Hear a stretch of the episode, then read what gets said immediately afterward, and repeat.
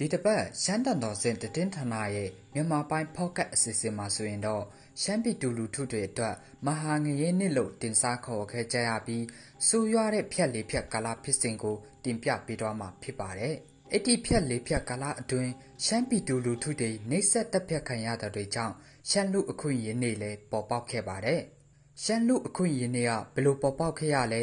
ဖြက်လေးဖြက်ကာလာမှာ ရှမ်းပြည်သူတွေ ဘယ်လိုနှိစက်ခံရလဲဆိုတဲ့အကြောင်းကို ရှမ်းတန်တော်စင်တတင်းထောက် နန်းနော့နော့ကတင်ဆက်ထားပါတယ်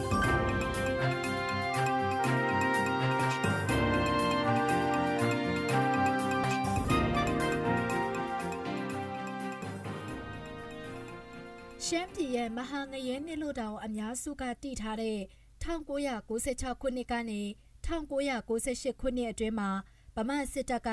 ရှမ်းလူမျိုးတွေအပေါ်ဂျီနိုဆိုက်ပုံစံနဲ့စစ်ရစဝတ်မှုကြီးတွေကျူးလွန်ခဲ့ပါတယ်။အဲ့ဒီအချိန်ခါတုန်းကဗမာစစ်တပ်ဟာရှမ်းလူမျိုးရှမ်းစာပေကို အမြင့်ဖြတ်ချေမုန်းဖို့အတွက်ရှမ်းအမျိုးသားတော်လှန်ရေးလှုပ်ဆောင်နေတဲ့တူတွေတာမက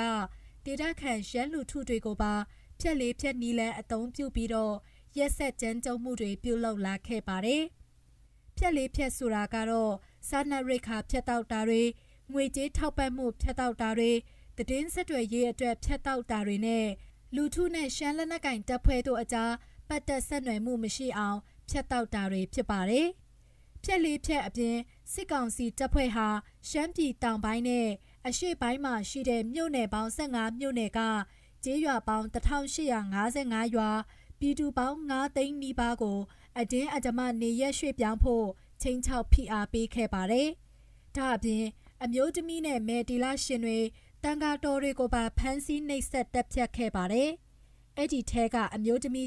625ဦးထက်မနည်းအဓမ္မပြုကျင့်ခံရပြီးတော့ပြည်သူပေါင်း200ထက်မနည်းတပ်ဖြတ်ခံခဲ့ရပါတယ်။ဗမာစစ်တပ်ကရှမ်းပြည်သူလူထုအပေါ်လူအခွင့်ရေးချိုးဖောက်မှုတွေရှမ်းပြည်အမျိုးသမီးတွေအပေါ်အဓမ္မပြုကျင့်တာတွေဟာရှမ်းပြည်အတွင်းစတင်ဝေရောက်ချိန်ကစလို့အခုနှစ်ပေါင်း80ကျော်ကြာလာတဲ့အထိစက်တိုက်ကျူးလွန်ခဲ့ပါတယ်။ ရှမ်းလူအခွင့်ရေးမှန်တိုင်က ထုတ်ပြန်ထားတဲ့မဒိန်ကျင်းရလိုင်စင်အစီရင်ခံစာမှာဗမာစစ်တပ်ကရှမ်းပြည်အတွင်းစနစ်တကျအစီအစဉ်တွေနဲ့နေရာတော်တော်များများကျူးလွန်နေတယ်လို့ပါရှိပါတယ်။အဓမ္မပြုကျင့်လာတဲ့တမိုင်းဖြစ်စဉ်ဟာကြောက်မက်ဖွယ်ရာကောင်းတဲ့အပြင်ဝမ်းနဲ့ကြည်ကွဲဖွယ်ကောင်းလာတဲ့တမိုင်းစာမျက်နှာတစ်ခုပါပဲ။ဗမာစစ်တပ်ကရှမ်းပြည်အတွင်းစတင်ဝင်ရောက်လာချိန်ကနေစတင်ပြီးတော့လက်ရှိအချိန်ထိ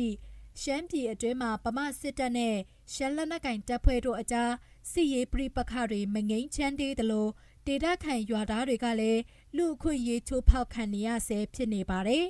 ။အဲ့ဒီလိုရှမ်းပြည်သူလူထုအစုလိုက်အပြုံလိုက်တပ်ဖြတ်ခံခဲ့ရတဲ့1996ခုနှစ်စွန်လ16ရက်နေ့ကိုအစွဲပြုပြီးတော့2020ခုနှစ်စွန်လ16ရက်နေ့မှာရှမ်းပြည်ညီညွတ်ရေးကော်မတီ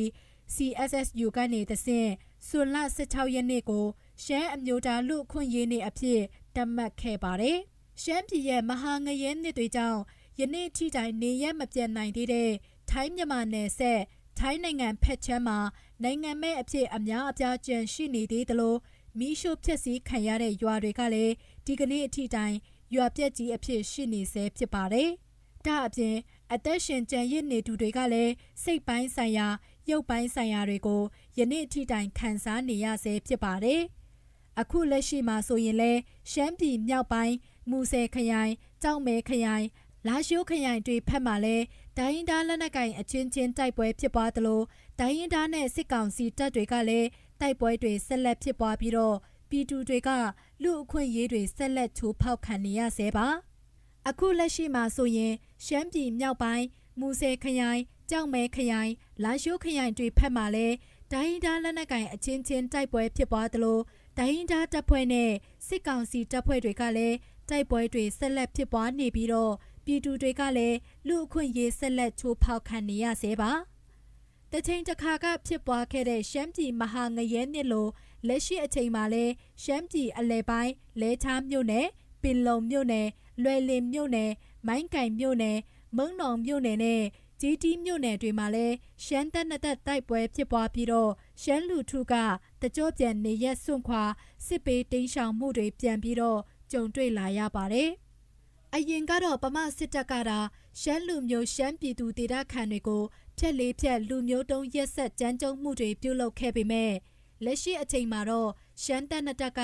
ရှမ်းလူထုတွေအပေါ်ဒီလိုပြုလုပ်တာကိုတားဆီးပေးမဲ့တူကာကွယ်ပေးမဲ့တူမရှိလာတာကလည်း ကိုလူမျိုးမျိုးသုံးအောင်လူအခွင့်ရေးချိုးဖောက်နေတာကိုပါဝင်ပတ်သက်နေတယ်လို့ဆိုရမလို့ဖြစ်နေပါတယ်။ဒီလိုရှမ်းလူမျိုးအချင်းချင်းကြားဖြစ်ပွားတဲ့တိုက်ပွဲတွေကြောင့်တေဆုံးသွားတဲ့သူတွေအပြန်လန်တက်ဖြတ်မှုတွေဖမ်းဆီးမှုတွေဟာရှမ်းလူအခွင့်ရေးနေ့မှာထည့်သွင်းကြလားဆိုတာစဉ်းစားစရာဖြစ်လာပါတယ်။ခေတ်ကာလပြောင်းလဲလာသလိုလူအခွင့်ရေးချိုးဖောက်မှုတွေကလည်းပုံစံပြောင်းလဲလာတဲ့အတွက်ရှမ်းတက်နှစ်တက်ပြုတ်လုပ်နေတဲ့ လူအခွင့်ရေးချိုးဖောက်မှုတွေကိုရှမ်းလူထုကတားဆီးမှု ထောက်ပြဝေဖန်ပြောဆိုမှုကို လူအခွင့်ရေးပြုလုပ်နေသူတွေကမပြောဆိုလာတာကလည်းမေးခွန်းထုတ်စရာဖြစ်လာပါတယ်။ရှမ်းလူအခွင့်ရေးနေ့ဖြစ်တဲ့စွန်လ16ရက်နေ့မှာဖြက်လေးဖြက်ကြောင့်ကြဆုံသွားခဲ့ရတဲ့ရှမ်းပြည်သူတွေအတွက်မိမိတို့အိမ်မှာဖျောင်းတိုင်ထွင်းပြီးတော့ဆူတောင်းပေးကြဖို့တိုက်တွန်းပြောဆိုကြပေမဲ့ အခုနောက်ပိုင်းရှမ်းတက်နှစ်တက်ကရှမ်းလူထုအပေါ်လူအခွင့်ရေးချိုးဖောက်မှုတွေကိုဝေဖန်ထောက်ပြပြီးတော့လမ်းကြောင်းမှန်အောင်ပြုလုပ်နိုင်တဲ့ရှမ်းမျိုးချစ်ပုံကိုယ်တွေပေါ်ထွန်းလာပါစေလို့စုမွန်ကောင်းတောင်းလိုက်ပါတယ်ရှင်။